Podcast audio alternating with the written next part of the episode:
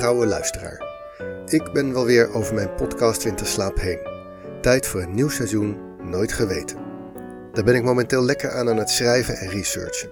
En dat is nog best veel werk, dus het duurt nog even voor ze online komen, maar hier alvast iets om mee warm te draaien.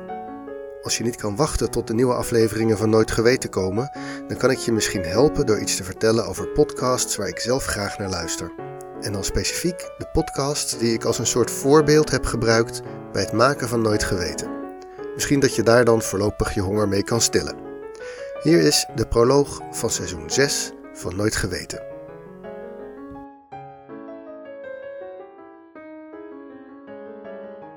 Eerst iets over mijn geschiedenis met radio. Want ik zeg wel, ik luister graag naar podcasts, maar eigenlijk luister ik gewoon graag naar radio.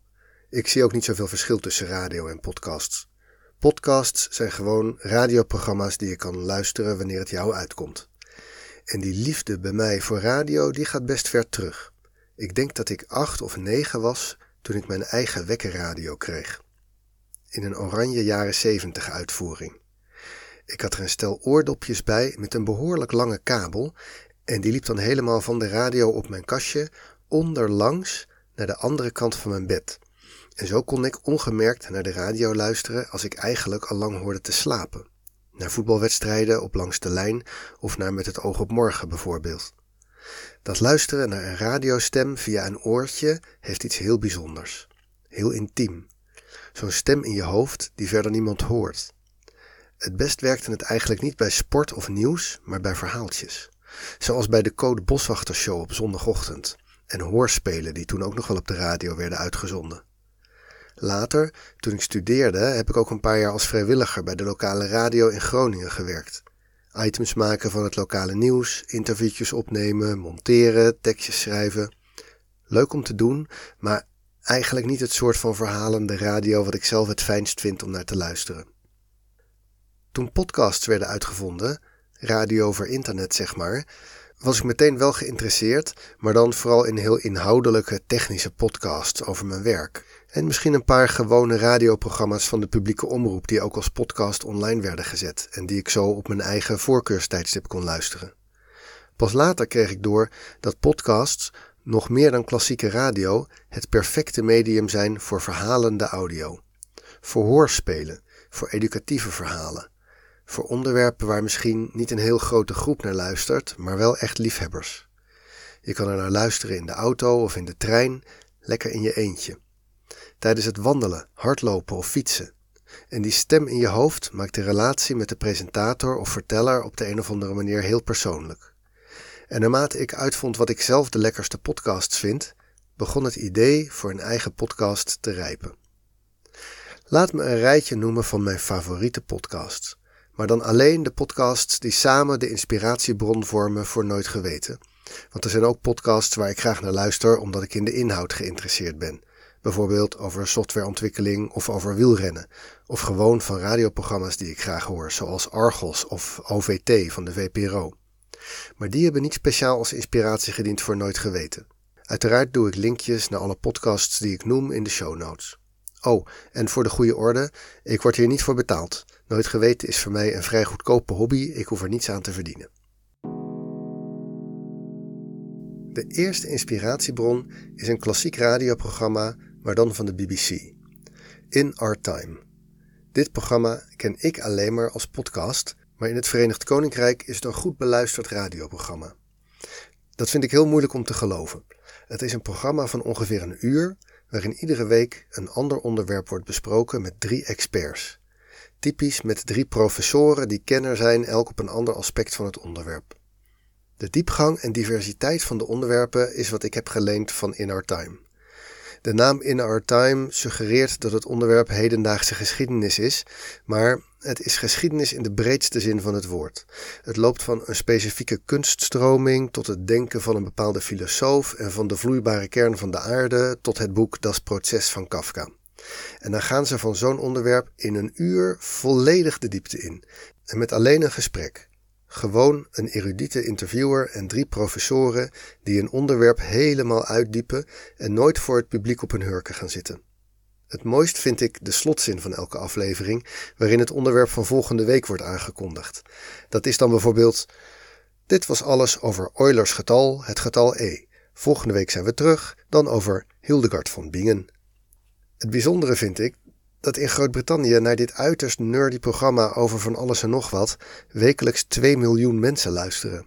Naar een presentator en drie professoren die een uur lang praten over de slag bij Tours in het jaar 732. Dat zou de netcoördinator van de Nederlandse publieke omroep hier nooit goed vinden, maar kennelijk werkt het toch. Een tweede programma dat ik graag luister is Invisibilia. Ook een product van een traditionele radioomroep, namelijk de Amerikaanse publieke radio NPR. Invisibilia gaat meer over actuele maatschappelijke thema's, maar ze vertellen ieder onderwerp heel mooi, met afwisselend stukjes interview, beschouwingen, voice-overs en muziek. Iedere aflevering is een soort mozaïekvertelling, maar het wordt geen maniertje. En dan heb ik twee podcasts die heel erg gaan over verhalen vertellen. De eerste is Echt Gebeurd. Het is een behoorlijk goed beluisterde Nederlandse podcast waarin iedere aflevering iemand anders een echt gebeurd verhaal vertelt. De vertellers worden door de redactie gecoacht in het zo goed mogelijk vertellen. In de redactie zitten een aantal bekende namen, zoals Paulien Cornelissen en Micha Wertheim, maar daar gaat het hier niet over. De vertellers en hun verhaal zijn het middelpunt. Een tweede, heel andere verhalenpodcast die ik wil noemen is Everything is Alive.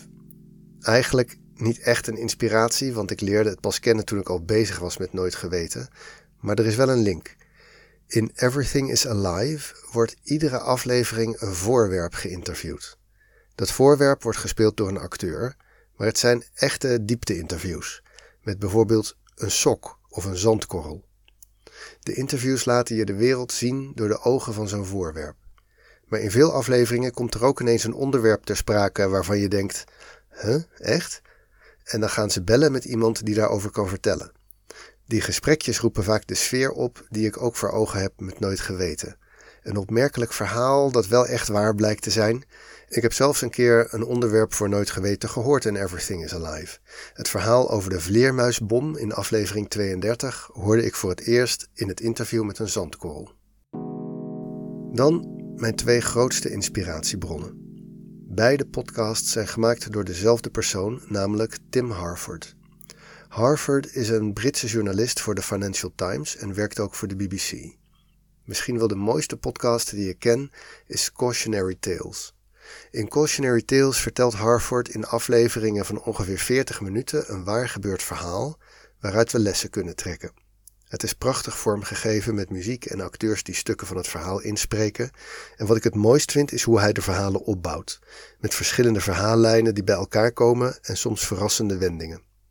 En vooral ook hoe hij vertelt wat we van dit verhaal kunnen leren. Ik kan niet genoeg benadrukken hoe goed Tim Harford kan vertellen. Pas luisterde ik tijdens een wandeling door de stad naar een aflevering over. Nee, ik zeg even niet waar de aflevering precies over ging. Waar het om gaat is dat ik al ruim een half uur luisterde en ik het een mooie aflevering met een mooie moraal vond. Iets over ingewikkelde uitvindingen en eenvoudige uitvindingen. En toen, toen kwam een paar minuten voor het einde een wending aan het verhaal die ik al een half uur had moeten zien aankomen, waardoor ineens midden op straat de tranen in mijn ogen stonden.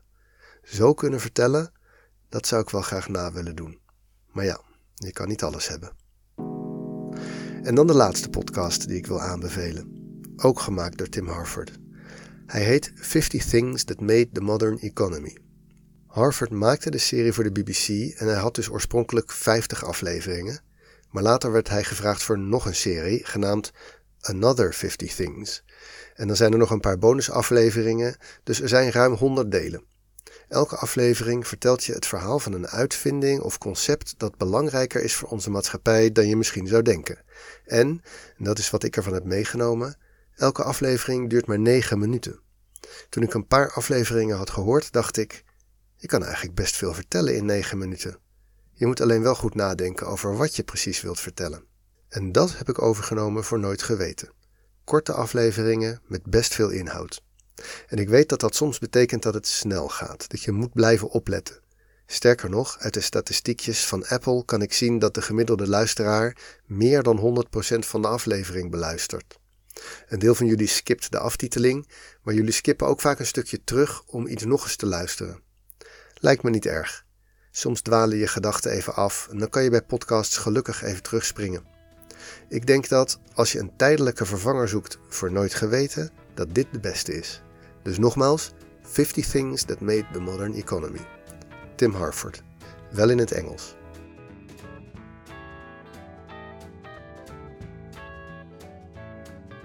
Maar binnenkort komen er dus weer gewone afleveringen van Nooit Geweten.